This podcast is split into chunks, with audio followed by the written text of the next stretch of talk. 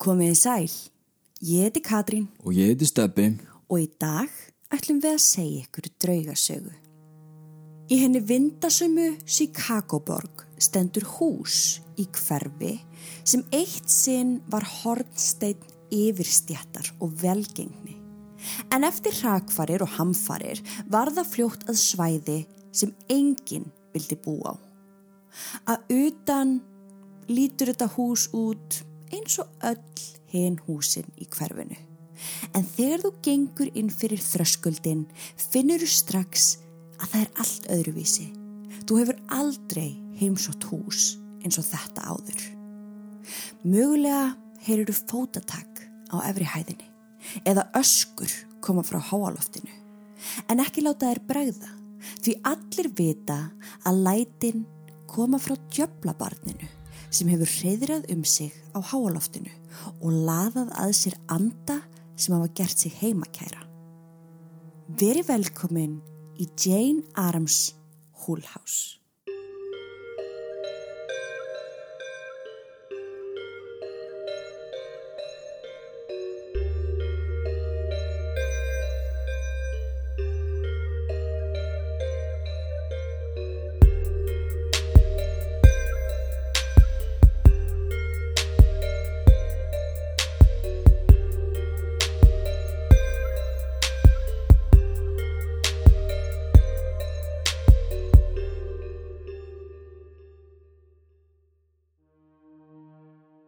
Húsið sem við ætlum að fjallum í dag er upphaflega byggt af manni sem hétt Charles Hull árið 1856.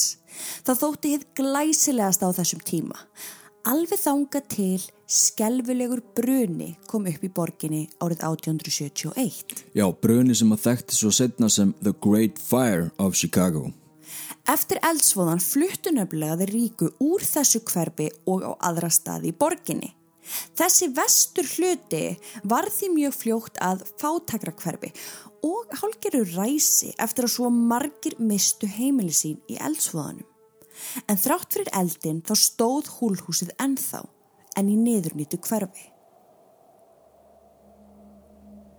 Það var árið 1889 eða tæpum 20 árum eftir eldsvoðan sem Jane Addams, 29 ára gummul kona með stóra drauma, kemur auga á hitt íburðamikla Hull House. Húsi stóð þarna alveg upp við Halstead Street og Jane sá strax hvernig fagurfræðin á húsinu skein í gegn þrátt fyrir viðhalsleysið í gegnum árin. Það þurfti jú mikið að ditta upp á það en hún var ástfangin af því. Gangstittin frá Halstead Street leiti inn á stuttan göngustík sem lá upp að múrstins hlöðnu húsinu sem satt á tveimur hæðum með háalofti. Með nokkrum þrepum fyrir neðan stóra og mikla hurð gnæfði stórt skigni yfir fyrstu hæðinni sem haldi var uppi með tignarlegum súlum og gaf gott skjól fyrir þungri rigningu sem var hendugt í Chicagoborg. Þegar inn var komið voru stór rými, sikkur megin, borðstofa og setustofa. Beint á móti var svo stíin sem lág upp á aðra hæð þar sem herbergin voru. Allstaðar innandira voru handskortin loftlistar og einnig í hurðakörmum. Húsið var fullkomið, hugsaðu með sér. Jane var mikill jafn rétti sinni og barðist hart fyrir réttundum þeirra sem minna máttu sín og gerði það meðal annars að sínu lífs markmiði að bjarga eins mörgum og hún gat frá fátækt. Allt frá unga aldri hafði hún gefið heimilislausum yfirhafni sínar og annað sem að henni fannst hún eiga nóaf á meðan aðrir áttu ekkert. Svolítið eins og þú. Hún barðist ötrúlega fyrir hagsmunum innflytjanda, sett upp gjald frjálsar daggæslur fyrir börn og innleiti meðal annars tónlist og listgreinar í námsáallunum Chicago. Við erum að tala um rosalega flotta konu hérna. Hún er algjört baráttu kvendi, hún er erfingi, pappinar er til dæmis eitt stopnenda republikanaflokksins í bandaríkunum. Ok. Þetta er huge. Þegar hún kemur svo auga á húlhúsið ásamt samstarfskonu sinni Ellen Gates Starr voru þar staðránar í að festa kaup á því og gera það upp til að hýsa þá heimilislausu í nær umhverfi við húsið. Nágrannir komu út og kynntu sig eins og var hefði þá daga en spurðu þó undrandi hvort að Jane ætlaði virkilega að kaupa þetta hús. Hún svaraði játandi með bros og vör og tillökuna sveip. En þú veist af djöbla barninu sem býr á háaloftinu er það ekki? Meira veitum við ekki hvað var sagt. Við veitum að það var sagt við hana, við veitum að það kom ykkur nákvæmlega og sögðinu frá þessu djöbla barni, en meira veitum við ekki. Nei. En allavega greinlega vissu nákvæmlega af þessu Já, allt hverfið í kring. Jane og Ellen hófust strax handa og fljótlega mönnuðar herbergin með fólki sem átti engan annan samastað. En þeir sem byggu í húsinu komu fljótlega fyrir vaskönnum við stegan sem leiti upp á háaloftið. Þetta fannst Jane mjög undarlegt og spurðist fyrir hvers vegna könnurnar væru þarna. Leyendur töldu þó víst að draugar ættu ekki að geta ferðast yfir vatn. Könnurna væru aðna til þess að koma í veg fyrir að andar sem dvöld upp á háaloftinu kæmust niður. Í ára raðir hafði enginn farið upp á háaloft en það fór ekki á milli mála að einhver varðar. Lætin voru svo mikil og það var ekki um lifandi fólk að ræða. Ég meina spurninga því þú dendi er svona smá í þessa sögu. Já. Fór Jane ekki þannig upp á háaloft? Jú, jú, hún bara sá aldrei neitt. En þegar við erum að tala um, þú veist, það hafði enginn verið farið upp á háaloft í svona langan tíma, já. Já, hún hafði farið upp og kíkt Já, já, en þú veist í rauninni það var enginn að gera neitt þarna, það bjó enginn þarna, þetta Var ploss var aldrei nýtt. Var ekkert mikilvægt þannig. Nei, en það er spurning af hverju. Sko, Jane leta eiga sig í rauninni bara og hún leifiði vaskrunum að vera fyrst að íbúum leið betur með að hafa þær þó að hún sjálf trúði alls ekki á neitt svona yfir náttúrulegt. Nei, það gerði hún vist ekki. Jane Addams vissi þó ekki söguna á bak við húsið og það sem fór fram áður hún gerði það að þessari vel hefniðu stopnun sem hún fljótt varð að. Þannig að ef hún vissi það ekki þá svona hugsa ég með mér nágrannir voru greinlega ekki búin að segja henni alla söguna, Nei. þetta var eiginlega bara svona word of warning, mm -hmm. það ekki? Jú, en samt svona ætlar ekki að kynna þér söguna aðeins betur áður en þú gerir eitthvað meira. Melisand, kona Charles Hull sem byggði húsið, lést nefnilega inn í því árið 1860. Þjónustustúlkan sem var einnig frænka Charles ól því upp börn þeirra húlhjóna. Tvo seni sem létust báðir 18 og 24 ára gamlir og dóttur sem lést 25 ára eða öll langt fyrir aldur fram. Ég, Þetta er svolítið ótrúlegt, sko, að missa bara öll börnin sin. Þeir fluttu öll út eftir Great Fire eldsvoðan árið 1871 og leiðu herbyggin í þessu stóra húsi út og er auðvelt að vera sammála um það að alls konar ógæfi fólk kom inn og út úr húsinu. Vændiskonur störfuðu þar í sama húsi og fjölskyldur byggu og fíkni efnaneytundur svöluðu fíksinni. Charles Hull deyr svo sjálfur sama ár og Jane Addams kemur til sögunar eða árið 1889 en þjónustustúlkan eða frænka Charles Hull erði húsið eftir döðans og það er hún sem að selur Jane húsið. Og sagan segir að á þeim tíma eftir að Charles og senir hans fluttu út, þeir voru greinlega ekki dánir þarna, að þá hafi verið talsvert af innflytjandum og þá aðalega ítölum í þessum hluta borgarinnar og um það leiti höfðu ítölsk hjón fluttar inn. Þau áttu sex dætur og var konan ólétt af sjönda barnið þeirra. Þegar að koma því að konan skildi fæða barnið öskraði maðurinn ítrekkað að hann skildi frekar eignast barn djöfulsins en enn eina dóttur til viðbótar og rýfur meðal hans í sundur myndir af Jésu Kristi og Maríu mei sem hengu í herberginu. Og nú kemur sko að sannleika versus þjóðsögu og það eru margar kenningar á kreiki um hvað gerðist svo næst en svo sem oftast kemur upp og svo sem flestir hallast að Já. hljómar í þessa áttina. Sagt er að barnið sem fættist hafi haft samgróna fingur og samgrónar tær sem líktust frekar þófum en fótum. Höfuð þess hafi verið ílangt og barnið verið hryllilega ógeðfelt. Manninum hafi orðið að ósksinni. Móðurinn hafi því í skelvingu vafið barnið í þygt teppi og farið rakleðis með það í kirkju til þess að láta skýra það og blessa. Þegar hún hafi svo komið inn í kirkjuna var þó ekkert barn pakkað inn í teppið. Fadurinn saði þá nokkru síðar að hann hafi lokað og læst því svo kallaða djöfla barn upp á háalofti.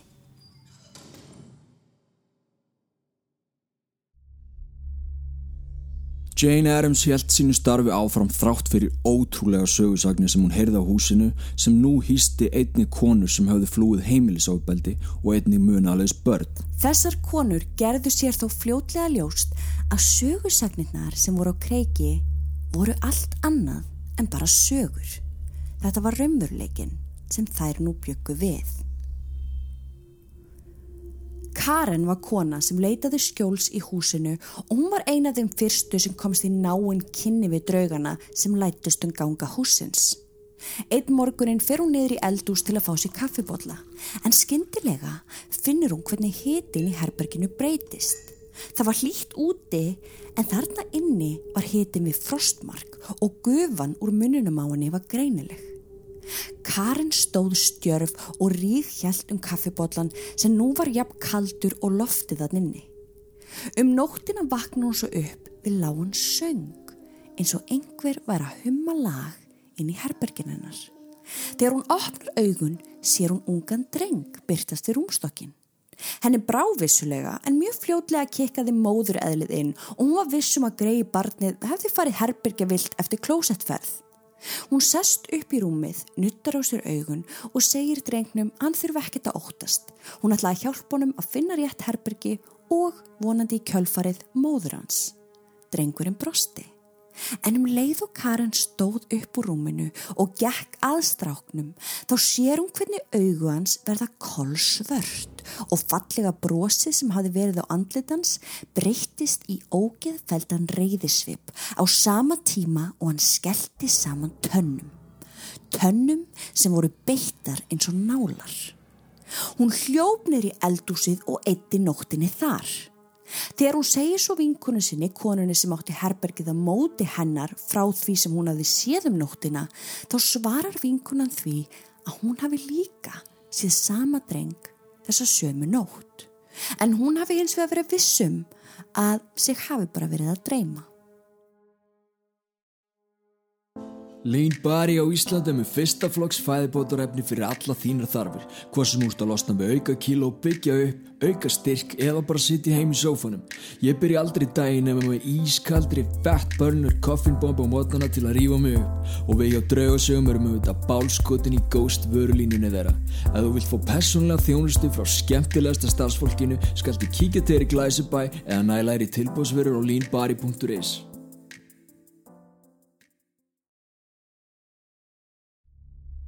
Fljótlega eftir þetta byrtust alls konar einstaklingar í grend við húsið og sömur bönguðu upp á veifandi peningum og spurðu hvort þeim mættu sjá djöflabarnið. Fiskisagan flög hratt um hverfin sem stutti frásögn nágrannana og þann orðróm sem var um draugagangin í húlhúsinu. Önnur saga er um konu sem hétti Júlia. Klukkan var orðið margt og Júlia ætti venjulega að vera löngu farin að sofa en þrálátur hósti gerðinni erfitt fyrir. Hún hafði þarna verið með bergla í um fjóra mánuði og vissi ekki hvort hún ætti yfir höfuð fleiri eftir lifandi. Hún leggst í rúmið í herberginu sem hún leiði í húlhúsinu. Herberginu sem eitt sinn var í eigu sjálfrar frú Melisent Hull. Hún var millisveps og vögu þegar herbergi verði skyndilega ískallt. Hún snýr sér á hina hliðina og kemur þó auga á konu í horni herbergisins sem starir á hana. Hún sest upp og nuttar augun og þegar hún færir hendurna frá andlitinu þá er konan komin nær. Klætt í bláan kjól sem virtist mjög gamal, revin og blettir þögtan allan og konan gengur nær eða réttar að sagt svífur nær. Svo stansar hún og segir Veistu, dauðin er alveg sársökulegs. En þú kemst í staði brjálega. Og síðan hlær hún, andstyggilegum hlátri. Júlia ríkur á rúminu, hleypur hún á bað og lokar og læsir á eftir sér. Hún heyrir þá hvernig gengið er um og hlutum er kastað um herbergið. Hún faðmar að sinn nýjan á baðherbergiskólfinu en þá skyndilega hættalætin. Hún heyrði samt ekki hurðinni opnast nýja lokast. Hver sem þetta var, var sko ekki farin. En þögnin var algjör og eftir nokkra mínútur gæjist hún fram. Hægt og rólega, alveg vissum að það væri einhver hinum með við hurðina, en þar var engin. Herbergið var algjörlega í rústi, en inn í því var engin nema hún. Jane Addams trúði sem fyrir sagði ekki á drauga, en það leiði ekki á löngu þar til hún sjálf byrjaði að upplifa sveipaða hluti og aðrir íbúar húsins. Jane var orðin þreytt Langir vinnudagar voru farnir að segja til sín og hún gati ekki beðið eftir því að skrýði upp í rúm og kvíla sér vel burtu frá öllu því sem beði hennar morgunin eftir. En þegar hún var rétt svo komin úr skónum kemur hún auga á roskna konu við herbergisklukkan sinn. Hún hefur auðvitslega vilst en þá tekur hún eftir því að konan stendur kvorki fyrir framanglukatildin fyrir aftan þau heldur á millið þeirra inn í þeim. En eins og Jane einnig var lægið og varð hún ekki hrætt. Heldur fann hún til með konunni sem greinilega var mjög döpur og býðst til þess að hjálp henni. Andi konunar hins vegar svarar engu en starir beint í augun á henni. Í smá stund hugsar hún um að fara út úr herberginu og gengur rólega hurðinni og þá allt í einu kemur konan nær henni. Svolítið eins og hún vil ekki að Jane fari. Ok, segir hún uppátt, ég skal ekki fara. En konan svarar samt engu. Nú var deila orðið bara hálf vandraðalegt. Átt hún að fara, átt hún að vera, vildi konan að Jane væri hjá sér en vildi samt ekki segja neitt, hvað var málið? Jane ákveður þá að skrýða aftur upp í rúm og þar sem konan virtist ekkert mótmæla því, lagðist hún svo að lokum niður og sopnaði. Morgunin eftir var konan horfin en greinilegt far sást við rúmgablin þar sem greinilega einhver hafði sest í rúmið. Var andin að gæta Jane eða þóttinni kannski bara væntum að hafa einhvern félagskap?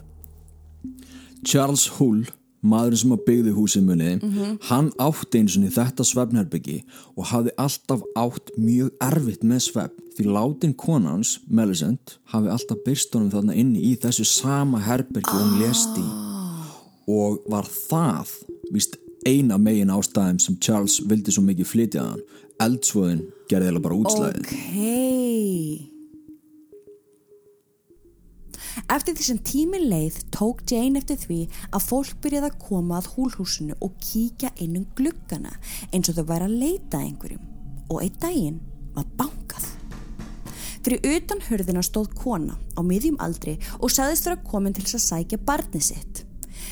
Af því því muni þetta er náttúrulega, þetta er barnagæst. Já Kennslukona sem starfaði í húlhúsinu sem var að hluta til nú einni reiki sem daggæsla fyrir yngri börn bauð konunni inn og fylgdi henn að því rými þar sem öll börnin sátu ímistu borða lita eða leikastur á gólfinu. Móðurinn leiti við stórt herbergið en kom hverki auga á barni sitt. Hvar er hann? spyr hún.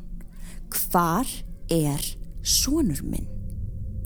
Kennslukonunni bregður heldur betur í brún því með öllu ólíklegt að barni geti týnst í hennar vörslu en verður síðan orðurlaust þegar konan segir henni að sonur hennar sé líklegast upp á háalofti. Þar er hún senast séðan og þángað skildum fara. Hún gekk hratt upp tröppunar með kennslukonun á eftir sér sem vissi varla í hvort fótin hún átt að stíga. Þegar komið var upp á háaloftið opnar hún hurðina og hleypir henni örfandika fulli móður inn á undan sér. Þar var ekkert að sjá nema reikfællið gólf og þykka kongulóðiði í hverju horni. Upp á háaloftinu var ekkert barn. Móðurinn brestur þá í grát og hleypur aftur niður stegan og út þar sem rikningin rann með tárum hennar niður kinnarnar. En kennslukonan stóð ennþá einðarna uppi og sá að á gólfinu uppi eitt glukkan voru greinilega ný fótspor. lítil fótspor, en samt var engan að sjá. Hver átti þessi spór? Þegar hún beigir sér niður til að skoða þau nánar, sér hún að þau gæti ekki hafa verið eftir barn. Því börn eru ekki með klaufa eða klær. Eftir þetta atvegg byrjuðu fleira og fleira að hópa stafi húlhúsið, veifandi sæðlum í vonum að geta borga sig inn til þess að skoða djöflabarnið.